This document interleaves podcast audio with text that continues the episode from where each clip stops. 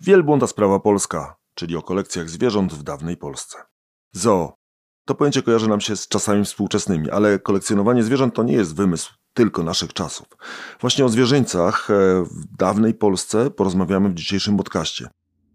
Tysiąc lat. Prześwietlenie. Podcast Muzeum Historii Polski o najważniejszych wydarzeniach w historii Polski. Zaprasza Łukasz Starowiejski. Moim gościem jest doktor habilitowana Aleksandra Jakubczyk-Gola z Muzeum Historii Polski. Dzień dobry. Dzień dobry.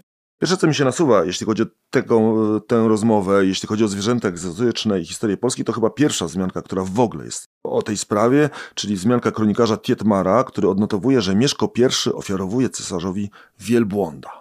Musiało być to wielkie wydarzenie, skoro i władca Polski ofiarowuje cesarzowi, najważniejszemu władcy, i Tietmar jeszcze o tym pisze. Tak, to rzeczywiście było wydarzenie. To się stało w 986 roku w trakcie zjazdu w Kwedlinburgu. E, warto dodać, że cesarz miał wtedy 6 lat. Fajna zabawka. No trochę tak. Po prostu był małym chłopcem i e, podarowanie tego wielbłąda e, oznaczało, zresztą w ogóle jak, tak jak darowanie egzotycznych stworzeń, oznaczało rozmiar królestwa dlatego że pokazywano, jak daleko na przykład sięgają nasze kontakty handlowe, albo jakie ziemie są w ogóle pod naszym panowaniem. Więc taka informacja oznaczała, że Mieszko jest w stanie prowadzić politykę bardzo dalekosiężną e, i, e, no i to był po prostu bardzo wyraźny komunikat o tym, że potrafimy, możemy i jesteśmy potężni. Może to jest powód, kupił dziecko, a to, to dziecko to był ten cesarz, który potem e, był jednym z najbardziej przyjaznych w polskiej historii tak. dla Polski, bo to jest ten od zjazdu gnieźnieńskiego, e, tej koronacji symbolicznej Chrobrego i tak dalej. Więc być może ten wielbłąd zadziałał po latach. Nie, trudno powiedzieć, ale pytanie moje już oczywiście nie będziemy się wdawać w tę dyskusję, prawdopodobnie ryzykowną, dosyć kontrowersyjną.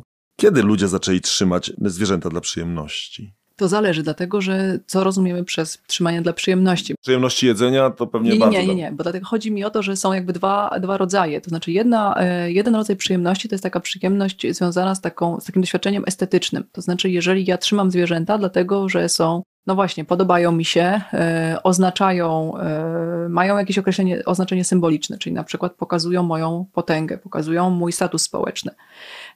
Czyli mam po prostu kolekcję, w której mogę gromadzić kolejne eksponaty, które ją budują e, i ona jest e, no, wciąż jakby niekompletna, bo ciągle mogę dołożyć nowy gatunek, który spowoduje, że tym bardziej będę postrzegana jako osoba właśnie Czyli majętna. Jak zbieranie znaczków, tak, tyle no, tylko, że żywych. Trochę tak i przy okazji właśnie no, możliwość pokazania się prawda, w, w świecie. No, a druga sprawa to jest trzymanie dla przyjemności, dlatego że po prostu mam zwierzę, które jest moim przyjacielem, z którym, którym y, y, mieszkam, jest moim nie wiem, pieskiem, kotkiem, papugą czy czymkolwiek innym, z czym po prostu y, lubię się bawić, co jest takim zwierzęciem moim, moim przyjacielem, moim, ja jestem jego opiekunem, więc jakby to też, dlatego zapytałam o to, co rozumiem pod pojęciem przyjemności, bo wydaje mi się, że to są dwie różne przyjemności.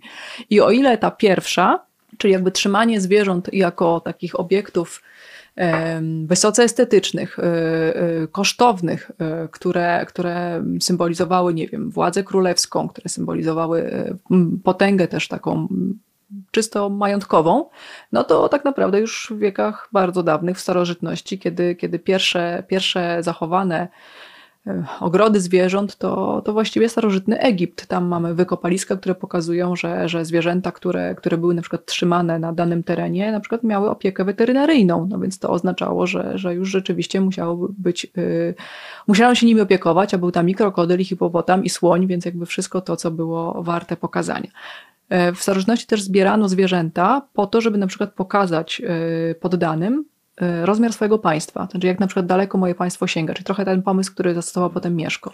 Także to były jakby bardzo różne powody, ale a zwierzęta, czyli takie pieski, jako prawda, domowe y, zwierzęta, to dopiero wiek, y, wiek XVII, więc to jest, to jest duża różnica w takim, w takim podejściu. To nie znaczy, że, że zwierząt nie trzymano wcześniej jako takich swoich, powiedzmy, przyjaciół, ale to nie w tym samym sensie. To znaczy dla Król na przykład posiadał w, w starożytności posiadał lwy, które mieszkały u niego w, w sypialni. Tak samo lwy posiadano w XVI wieku, właśnie władcy, książęta, ale one miały konkretne znaczenie, prawda? Ja mam lwa, on y, mnie obroni w jakiejś sytuacji, e, a jednocześnie ja mogę y, położyć but na jego głowie, prawda? Czyli ja jestem jego panem.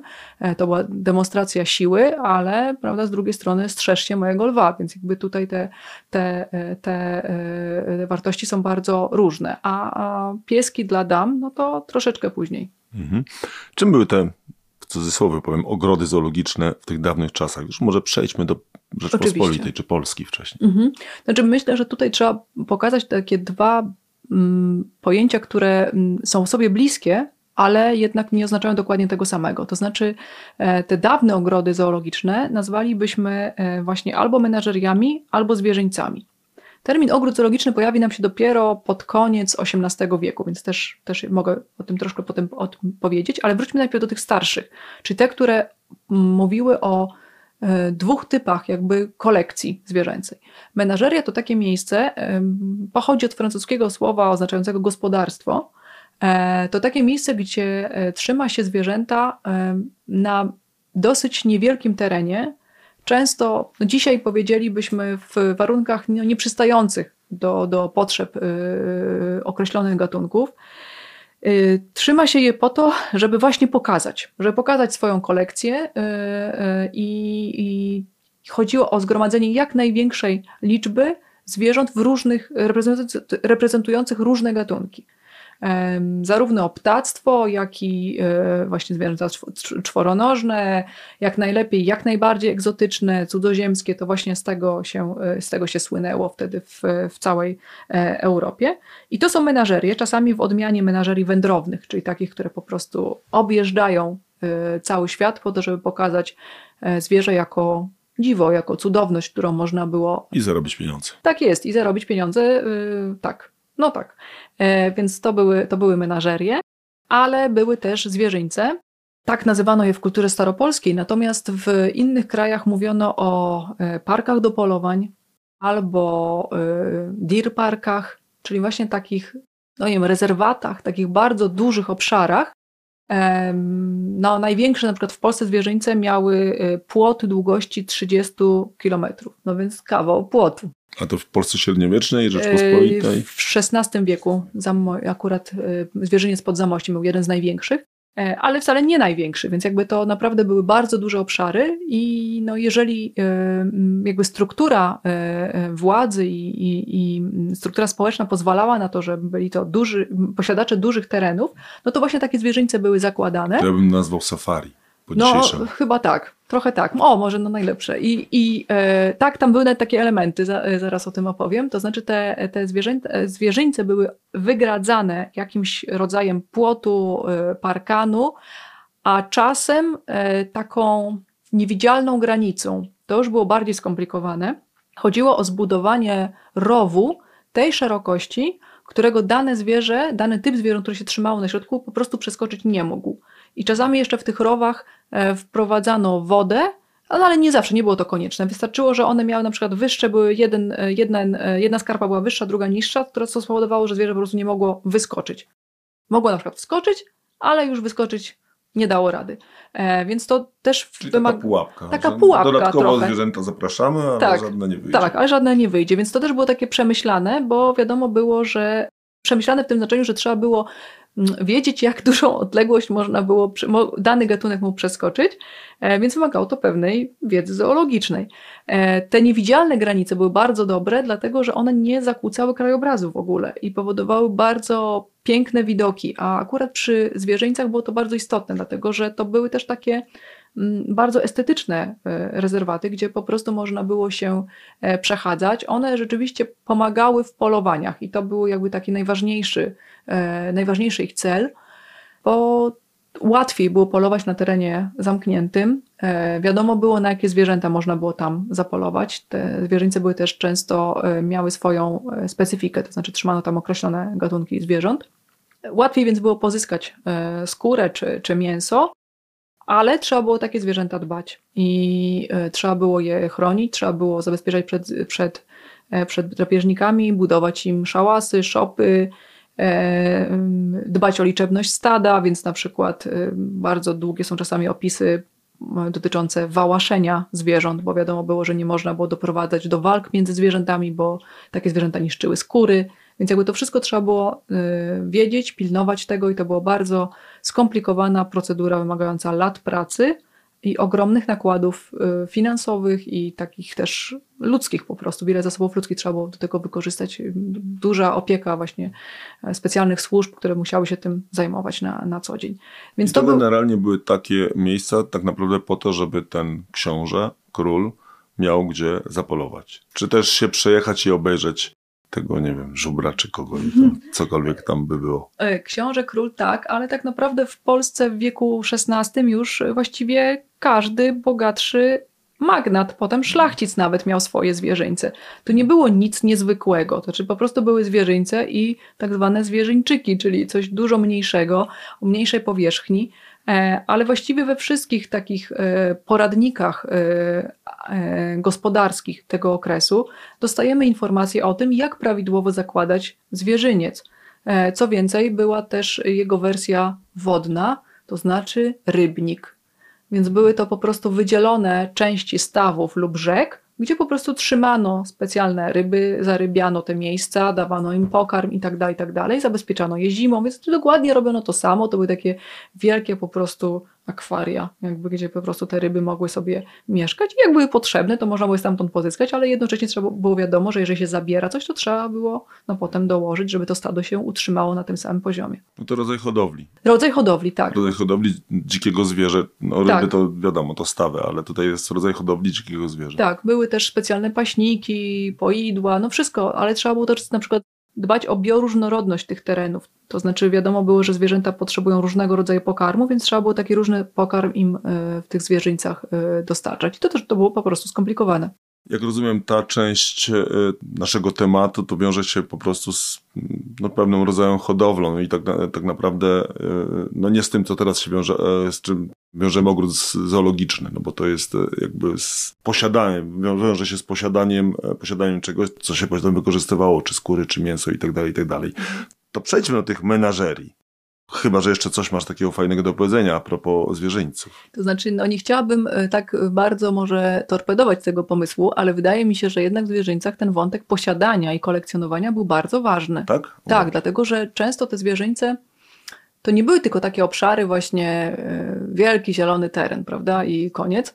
One stanowiły bardzo często element y, ogrodów i były takim naturalnym domknięciem, e, takim bardziej dzikim jakby ogrodu. To znaczy, jeżeli mamy na przykład w białym, przykład w Stoku, mamy ogrody takie strzyżone w stylu francuskim, e, e, bardzo piękne, geometryczne, po czym te ogrody się właściwie kończą i otwiera się właśnie zwierzyniec, a właściwie dwa zwierzyńce.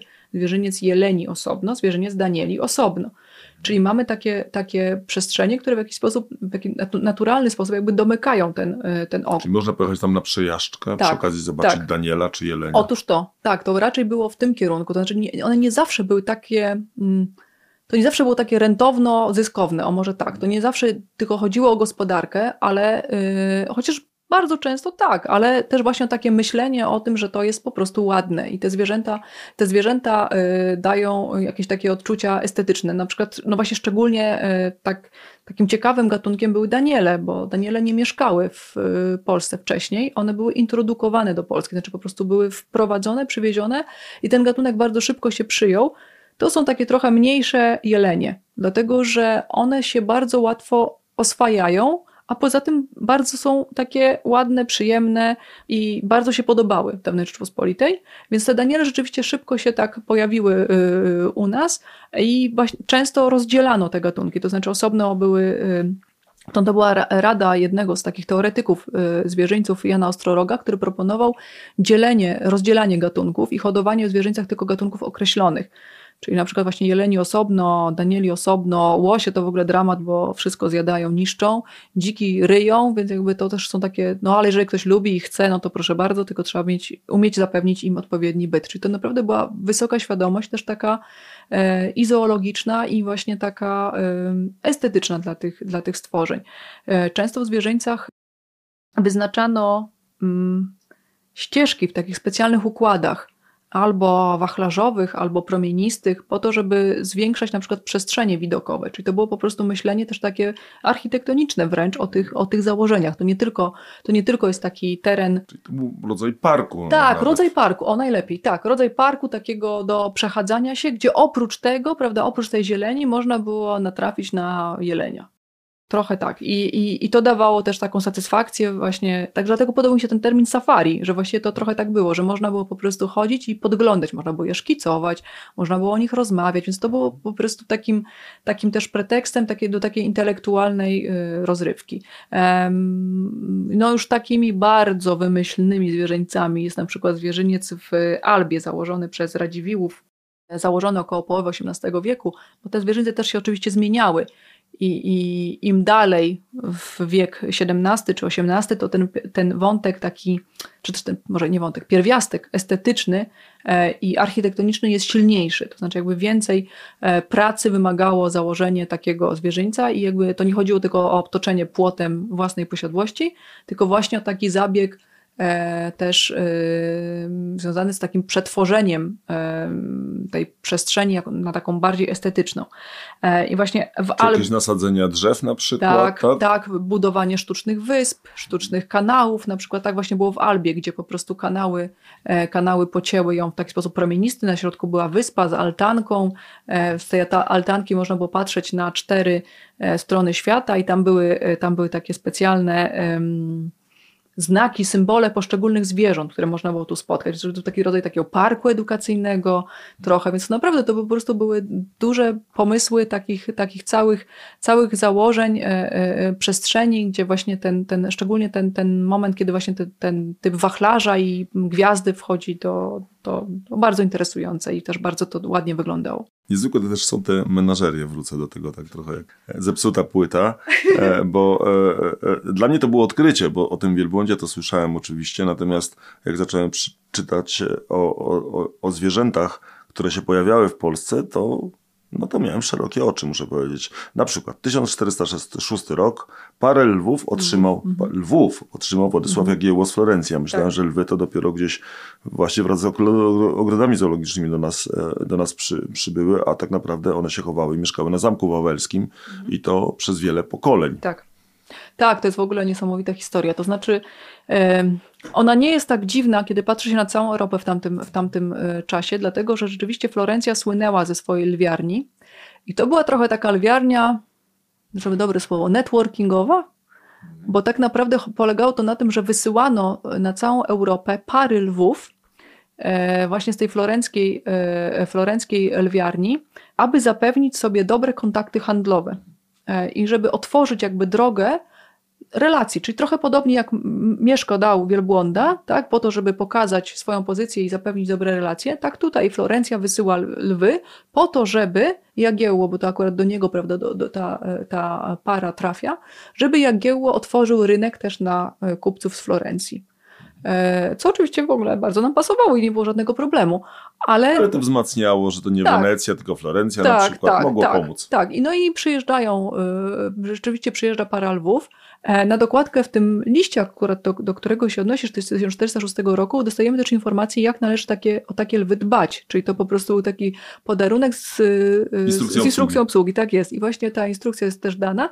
No i się rzeczywiście te lwy przyjęły. I ta para zamieszkała najpierw na E, niedaleko baszty zwanej Lubranką w, w, na Wawelu, ale potem trzeba było w ogóle je wydzielić, dlatego że po prostu ich zrobiło się kilkadziesiąt. No. Więc naprawdę tych lwów było po prostu bardzo, Czyli bardzo... dobrze się czuły w Krakowie. Tak, dobrze się czuły w Krakowie i widocznie klimat im odpowiadał, e, e, co dziwne, ale tak było, więc naprawdę rzeczywiście tych lwów było sporo i wydzielono specjalne takie, takie miejsce zwane rapsztynem, gdzie po prostu te lwy w takim osobnym jakby domu, czyli takiej lwiarni mieszkały niezwykłe to, że mieliśmy kilkadziesiąt lwów, które same się e, wyhodowały, że tak, tak powiem. Tak, tak. E, e, I ale nie tylko aż, aż, aż, właśnie, to za chwilę jeszcze, ale właśnie aż dziwne, że, że Jagiełło czy jego następcy nie wymyślili, że to oni będą teraz posyłać prezenty. A może posyłali? Na pewno posyłali, dlatego że te kontakty, zresztą ten pomysł wysyłania zwierząt egzotycznych jako podarunków był, był no to nie tylko, nie tylko jakby, no, my nie mieliśmy specjalnie czym się chwalić, dlatego że... Która nie można było, nie wolno było, żubra też nie bardzo znaczy, można wysyłano, było. starano się, no właśnie tak, no ale to były raczej wysyłanie właśnie najczęściej wypchanych zwierząt A kto albo by chciał skór. zająca? A kto by chciał zająca? Otóż to, no, my mamy bardzo, nie mamy kolonii, nie mamy, wiesz, jakby skąd brać tych zwierząt egzotycznych, ale rzeczywiście e, wysyłanie i podarowywanie zwierząt e, egzotycznych, e, tak jak my to podarowaliśmy tego wielbłąda, my, czyli Mieszko, to właściwie było takim, taką częstą praktyką. Katarzyna na przykład Habsburg, ona prowadziła właściwie największy interes wysyłkowy, znaczy po prostu rozsyłała zwierzęta po całej Europie. Ona miała na, w Ameryce Południowej taką, dzisiaj powiedzielibyśmy, no hodowlę, hodowlę cywet. Cywety to takie zwierzęta, które dzisiaj są właściwie nieznane bardzo, nie wiem czy, czy w ogóle ktoś wie co to, co to jest dzisiaj, cyweta, to taki rodzaj kotowaty, ona jest trochę między hieną, a e, tak, tak trochę wygląda w taka w prążki.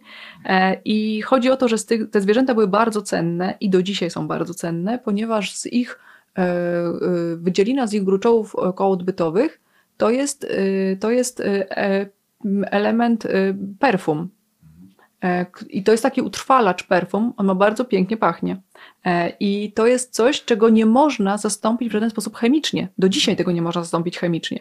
W związku z tym ona, e, rozsyłając te cywety, rozsyłała szczere złoto po prostu. Więc to naprawdę była bardzo, bardzo wartościowa transakcja. Zresztą cywety miał chociażby Jan III Sobieski. Zresztą także innych wiele zwierząt, a to jeszcze, e, zanim dojdziemy do Jana III, to jeszcze ten dwór Jagiellonów, e, bo to jest kolejny cytat, który, który znalazłem, to na dworze w Wilnie na przykład. Mhm. E, dziwowano się papugom królewskim, ptakom rajskim, oswojonym lwom i niedźwiedziom, a także maskaradą na wielbłądach. Wracamy do wielbłąda, bo ten wielbłąd pojawia się wielokrotnie i wcale to nie jest rzadkie zwierzę tak naprawdę. Jak na zwierzę egzotyczne oczywiście. Znaczy w ogóle w dobie jagiellońskiej jest takie podejrzenie, że wielbłądy były wykorzystywane e, do y, transportu, bo to były zwierzęta bardzo wytrzymałe, ale też warto dodać, jakie wielbłądy, bo to były te wielbłądy dwugarbne. Mm, nie wiemy, co prawda, jakiego wielbłąda dał Mieszko. Prawdę mówiąc, nie mamy żadnej informacji na ten temat, ale te dwugarbne były na pewno u nas wykorzystywane e, jako takie zwierzęta właśnie transportowe, juczne, które po prostu potrafiły przenieść bardzo duże kilogramy na duże odległości.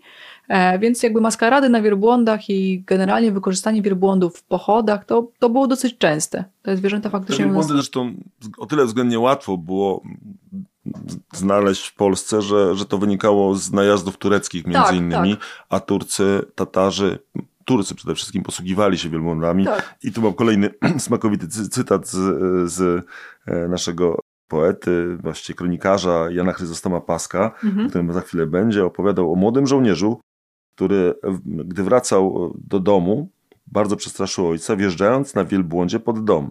Ojciec, staruszek, okrutnie uciekać począł, żegnając się. Na wołanie stój dobrodzieju, ja to syn twój, tym bardziej w nogi, aż się rozchorował z przelęknienia. Znaczy chodzi mi też o to, że mm, jak są bardzo rzadkie zwierzęta i bardzo cenne, to taki człowiek, jak ten młody żołnierz, czegoś takiego jako zdobyczy wojennej prawdopodobnie nie mógłby przywieźć. Mhm, tak. To byłoby tylko dla królów, to byłoby tylko dla, nie wiem, magnatów, wodzów wojska. Jeżeli to zeszło pod strzechy, to znaczy, że to nie było, to nie było nie był aż taki ewenement. No, dla ojca staruszka tak. Był. Mhm. Był, ale nie aż taki, żeby mu zabrali. Tak, to prawda, to prawda. I rzeczywiście wielbłądy były popularne, to, to były stworzenia, które, które znano. Zresztą też pokazują to y, staropolskie y, takie księgi gospodarskie, takie właśnie, nie wiem, pierwsze encyklopedie. Dlatego, że wielbłądy są po prostu bardzo ładnie narysowane w nich. Mhm. Czyli widać było, że te zwierzęta były znane, skoro je można było zaobserwować, zobaczyć. E, no, lew wygląda już trochę gorzej, bo tak naprawdę poza tymi lwami, lwami królewskimi, które tam hodował się parę pokoleń, potem nie mamy ciągłości tego, tych gatunków w, tutaj w królewskich nawet menażeriach, więc jakby no, to świadczy o tym, że na pewno wielbłąd był popularny. To nie tylko królowie mieli takie rzeczy. Znowu zajrzę sobie w te źródełko e, z moich kartkach. Krzysztof Radziwiłł w 1584 roku przywiózł z podróży do Ziemi Świętej papugi, dwa lamparty, dwie mangusty, małpy patasy, kilkanaście koczkodanów, koziorożce, ale zdechły po drodze. Wiózł, ale nie dowiózł. Wiadomo, co z tym zoo prywatnym. Tak, to znaczy mówimy cały czas o menażeriach. Dlatego, menażeriach, że... Tak, oczywiście. Tak, tak, tak, bo tak naprawdę akurat w przypadku Radziwiła to jest troszkę inna sytuacja, to znaczy on jest podróżnikiem, który, który próbuje przywieźć z dalekiej podróży zwierzęta. To, że one umierają w transporcie były bardzo częstym no częstym, częstym wydarzeniem i dlatego tak naprawdę takie zwierzęta były bardzo drogie, chociaż płacono tyle samo za zwierzęta martwe, jak i żywe. To miało zachęcić właśnie do wypraw tak czy siak dalekich, e, bo finansowanie było takie same. E, ale no, Radziwiłł chciał prawdopodobnie przewieźć je do swojego, do swojego zamku, do swojej posiadłości w Nieświeżu, gdzie, gdzie, gdzie był, e, była menażeria, e, ale faktycznie nie, nie, nie mamy potem żadnego świadectwa, nie wiadomo co się stało z tymi, z tymi zwierzętami, które, które przeżyły ten transport, więc to rzeczywiście to był duży, duży dramat, bardzo często te zwierzęta umierały, tak Sobieski na przykład nie dostał swojego krokodyla, którego chciał, a dotarł już, już martwy, bo po prostu nie wiedziano, jak e, zadbać o takie zwierzęta. Nie, często przewożono je w, razem z opieką jakby osób, no, cudzoziemców, którzy wiedzieli po prostu, jak zadbać o takie zwierzę, no ale nie zawsze było to możliwe. Poza tym najczęściej warunki były tak złe, że, że nie dało się zwierzęcia transportować, albo pogoda była do, do niczego, no po prostu klimat nie odpowiadał zwierzęciu i, i to było bardzo, bardzo skomplikowane. Taką największą y, y, menażerię y, założył Ludwik XIV w Wersalu, i on na przykład zabezpieczał się w ten sposób przed y, y, śmiercią swojej kolekcji, że każde zwierzę, które docierało do, do jego menażerii, kazał portretować. E, I w takim salonie menażerii, tak się nazywała ta sala, znajdująca się jakby na piętrze takiego pałacyku, e, który był centrum całej menażerii, znajdowały się portrety wszystkich zwierząt, które po prostu miał w swojej kolekcji. Co ciekawe, te portrety bardzo przypominały ludzkie portrety również, czyli taka, e, taka cienka granica między tym właśnie, co, jak wygląda zwierzę, a człowiek, często właśnie takie ustawione, w, pozowane i, i właściwie chodziło o to, że to jest trochę to samo, to znaczy oglądanie zwierzęcia czy namalowanego, czy na żywo, miało mieć to samo, miało mieć ten sam przekaz, bo on wiedział, że te zwierzęta po prostu umrą. Nawet jeżeli pożyją jakiś czas w menażerii, to ten, ta długość życia nie, no nie będzie tak długa, więc on chciał zachować tą swoją kolekcję także na, na, jako namalowany obraz, który po prostu mógł y, potem podziwiać. E, w, jeżeli chodzi o polskie menażerie, to rzeczywiście ta, te pierwsze to, to y, Jagiellonowie, e, Wawel, E, ta wspomniana w, w Wilnie menażeria Zygmunta e, Augusta. E, potem Wazowie mieli dużo takich parków, no właściwie takich niewielkich ogrodów zwierząt, gdzie można było te egzotyczne gatunki podziwiać. Szczególnie w okolicy, w Warszawie, w okolicy Villa Regia, czyli tego budynku królewskiego, to dzisiaj tam, gdzie znajduje się Uniwersytet Warszawski e, na, na krakowskim przedmieściu i te całe e, poniżej jakby Villa Regia, te tereny zielone, które prowadzą się do Biblioteki Uniwersyteckiej, były przeznaczone właśnie na, e, na królewską menażerię. Ale to była taka menażeria trochę z przypadku, to znaczy tam były głównie zwierzęta z darów, jakichś przygodnych zakupów. Nie było to taka menażeria jakby z planem, o, coś takiego. To znaczy, takiej, takiej menażerii w, w Polsce to tak naprawdę chyba nie było. Nie, nie, nie, nie przypominam sobie, ich, ich nie było też tak dużo, e, ale właśnie na przykład tam e, e, gromadzono przede wszystkim egzotyczne ptaki. E, wcześniej też e, jeszcze w, w Zagielonów Bona na przykład miała, miała również egzotyczne ptaki, miała piękną wolierę, gdzie trzymała papugi. Więc jakby są takie zwierzęta, które były modne, popularne w, w określonym momencie. W związku z tym jakby nasi władcy je trzymali, ale nie było to to nie był taki pomysł jak pomysł Ludwika XIV, który po prostu wiedział, czego chce, wiedział, że chce zbudować tę kolekcję i chciał być w tym najlepszy. No i pewnie był. E, a... No nie wiem, myślę, że lepsi byli Habsburgowie, mówiąc Jeszcze? szczerze. Tak, dlatego, że oni mieli po prostu ogromne kolonie mhm. e, i ich kontakty właśnie z Ameryką. No to Habsburgowie hiszpańscy, tak? tak? Ale rozumiem, po rodzinie mogło się rozejść. Tak, ale po rodzinie się rozchodziło i ci właśnie wszyscy najwięksi mieli, mieli wspaniałe, wspaniałe e, e, menażerie. E, no ale tak, hiszpańscy to zdecydowanie największe e, i właśnie oni, oni na przykład wiedzieli, że papugi były w modzie. W związku z tym e, za wszelką cenę chcieli zdobyć Brazylię. I bo Brazylia była uważana, zresztą przezywana była krajem papug i właśnie cały transport papug szedł wtedy stamtąd i zarabiali na tym po prostu ogromne pieniądze.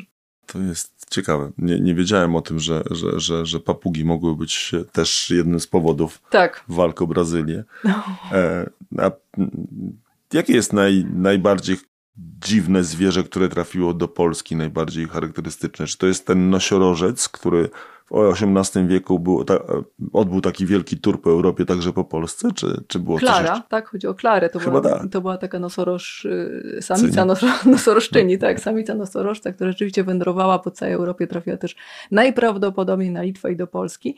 E, no był też słoń, e, e, wiemy też o słoniu, pisze o nim na przykład Jakub Kazimierz Haur w składzie albo skarbcu, czyli właśnie takim no właśnie takiej dawnej encyklopedii, trochę takiej Sylwie staropolskiej, gdzie właściwie znajdują się wszelkie informacje e, nam potrzebne. Między innymi też jest właśnie traktat cały o zwierzętach, gdzie mamy poszczególne gatunki opisane. Był też słoń, który, który dotarł e, e, na, na nasze, nasze ziemię. Chyba na ślubie Zamojskiego z Batorówną był też słoń. Tak, wśród tak, gości. tak, tak, był wśród, wśród specyficznych tak, gości. Tak, tak, specyficznych gości. On też brał udział wtedy w pochodzie tym, mhm. tym weselnym, rzeczywiście. No więc właśnie, także, także chyba z takich najniezwyklejszych to ten słoń. Jan III Sobieski miał również kazuara. To już chyba naprawdę egzotyzm. No i właśnie miał tą cywetę. To na pewno też w, nie dostał krokodyla, więc martwy krokodyl, jeżeli się liczy, to, to był. Mamy również informacje o żółwiach, bo żółwie były na przykład w takich często były elementem dawnych gabinetów osobliwości, dlatego że żółwie dobrze się preparowały, to znaczy właściwie zostawały tylko same skorupy.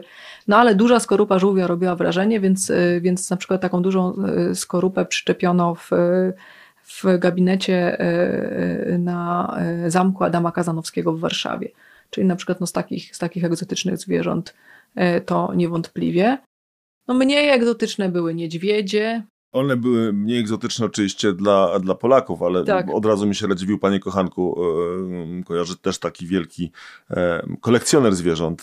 Z tego, co przeczytałem w jego zwierzyńcu, bywało i 100 żubrów, łosi 120, reniferów 50, sarn, jeleni to nie wiadomo ile, świnie japońskie, osły i tak dalej, być może nawet zebry. Mhm, tak. Miał też osiem tak tresowanych niedźwiedzi, że zaprzęgał, zaprzęgał je do karety.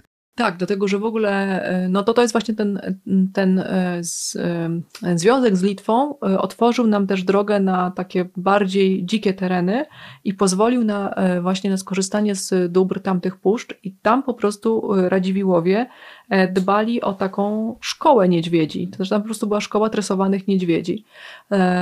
Zresztą ta... Cóż to musiał być za obraz, no. jak on zajeżdżał Karetą osiem z niedźwiedziami. No, słynna historia z niedźwiedziem to ta, kiedy Zygmunt I postanowił zrobić przyjemność swojej żonie, królowej Bonie, która uwielbiała polowania.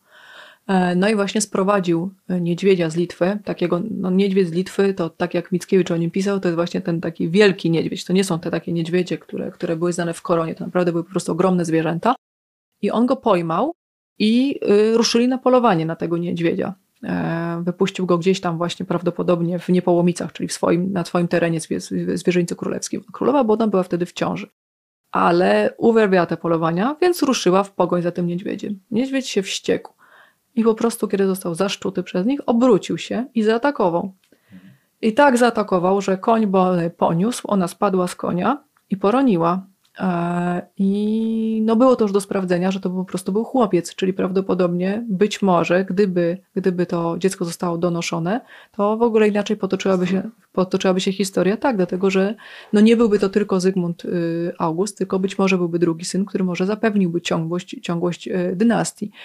I wtedy król, pamiętam, że tak, tak, tak, no, tak anegdota przekazuje dalej, ta historyczna, że śmiał się ze Stańczyka, który, który towarzyszył całej tej, tej przygodzie i Stańczyk uciekał wtedy bardzo szybko przed tym niedźwiedziem i król się śmiał, ości tam, prawda, błaźnie, zachowujesz się, nie zachowujesz się tutaj jak rycerz, co za głupota się tak zachowywać w takiej sytuacji, no, że to po prostu polowanie.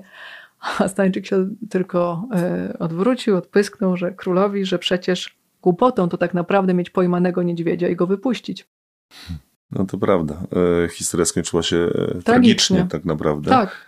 Ale zostawmy ją jeszcze, bo ja mam takie pytanie o. Mówiliśmy o tych obrazach, które malowali, malowano na zlecenie e, Ludwika XIV. Tak. A my mamy chyba najpiękniejszy atlas zoologiczny, jaki w ogóle powstał w dawnych wiekach, czyli Arrasy kupione przez Zygmunta mhm. Augusta.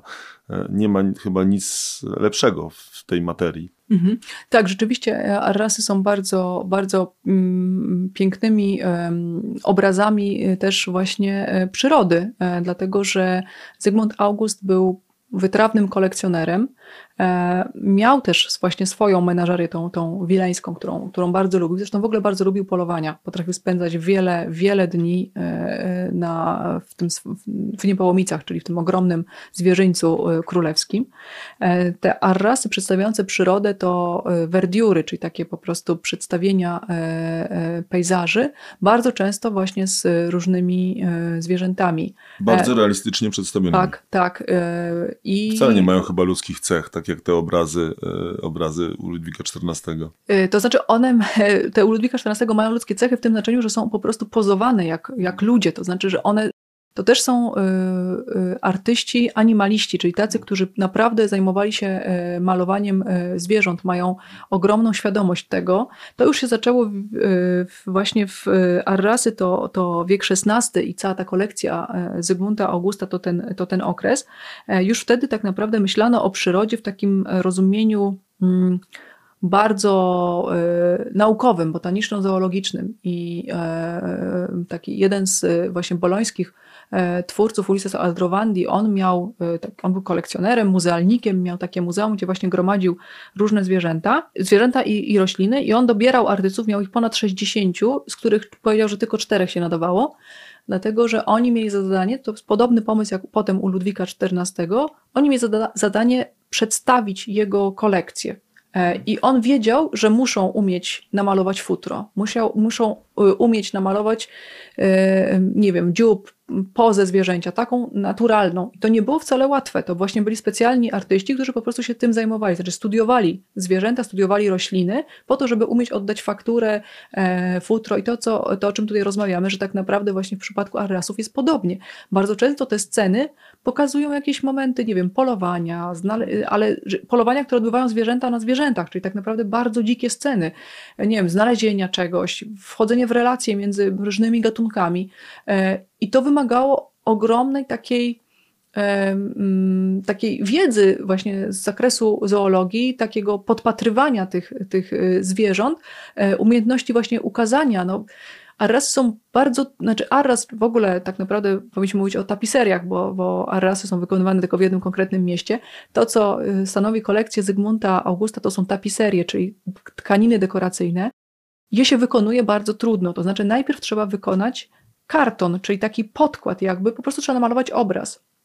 I potem ten obraz wkłada się pod krosna i dopiero potem się go tka na wierzchu, czyli jakby mając podkład, robi się dopiero jeszcze, e, jakby przekłada się go w trochę inną teksturę, w inny język artystyczny, który jest bardzo skomplikowany, bo trzeba umieć łączyć prawidłowo nitki, trzeba umieć e, e, oddawać przejścia tonalne, barwne, no to jest po prostu bardzo skomplikowane, wyłącznie przy pomocy nici, którymi się tkano. Łatwiej jest to po prostu namalować, ale tutaj trzeba było wykonać dwie prace właściwie, żeby to powstało, czyli trzeba było mieć i artystę zdolnego, animalistę, który umie zaobserwować relacje między zwierzętami, ich gesty, ruchy, czyli musiał znać te zwierzęta, musiał bywać w, w europejskich menażeriach, bo tapiserie były zamawiane tak naprawdę w Brukseli przez specjalnego agenta e, Zygmunta, e, e, Zygmunta Augusta, więc, więc musiał jakby te, te, musiał, ten artysta musiał widzieć te stworzenia, no i oprócz tego potem ten tkacz też musiał przynajmniej widzieć, rozumieć, wiedzieć o co chodzi. No to jest,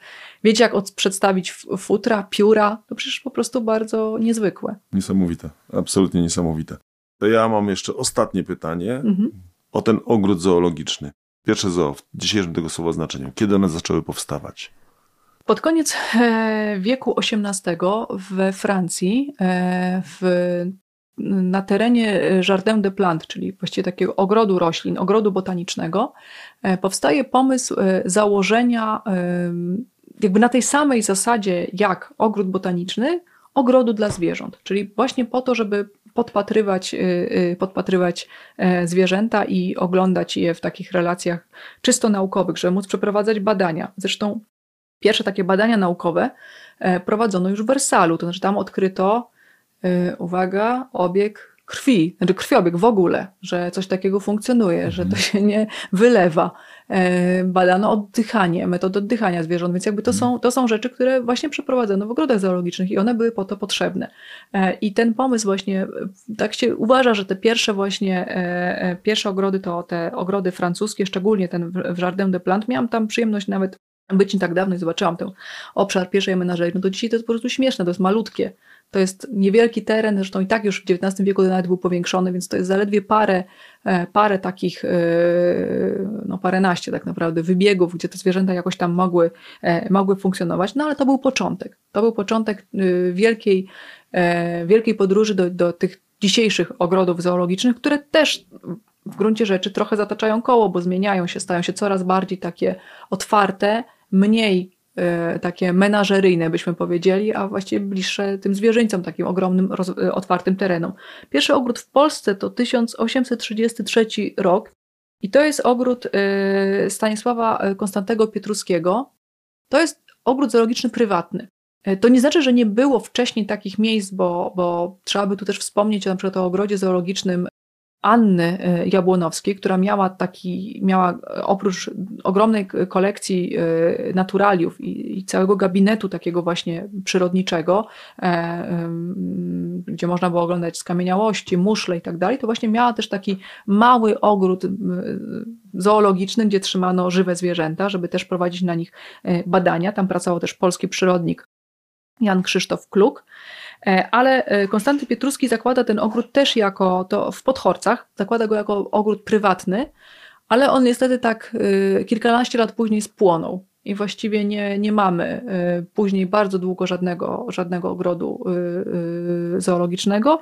I pierwsze to ogrody we Wrocławiu 1865 rok i w Poznaniu 1874 to już są rok. ogrody otwarte dla publiczności. Tak, tak. No właśnie też to się zmieniała ta kwestia dostępności. To znaczy dlatego, Bo cały że... czas, cała nasza rozmowa tak. była o ogrodach prywatnych, tak, tak naprawdę, menedżeriach prywatnych.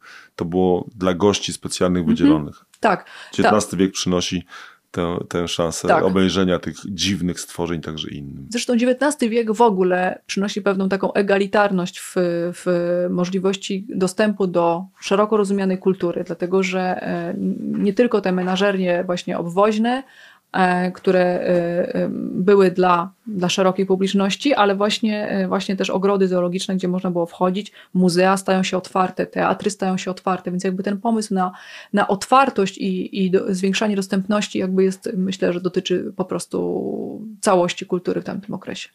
I tu sobie postawimy kropkę, bo to już wkraczamy w zupełnie inne tematy. Po zwierzyńcach menażeriach, nie tylko polskich, nie tylko z Rzeczpospolitej, oprowadzała nas e, doktor habilitowana Aleksandra Jakubczyk-Gola z Muzeum Historii Polski. Dziękuję. Ja również bardzo dziękuję. A ja nazywam się Łukasz Starowiejski, zapraszam na kolejne podcasty. Tysiąc lat. Prześwietlenie. Podcast Muzeum Historii Polski o najważniejszych wydarzeniach w historii Polski. Podcastów Tysiąc lat prześwietlenie wysłuchasz na YouTube, Spotify, Google Podcast, Audiotece, a także na innych platformach podcastowych. Chcesz być na bieżąco? Subskrybuj kanał Muzeum Historii Polski.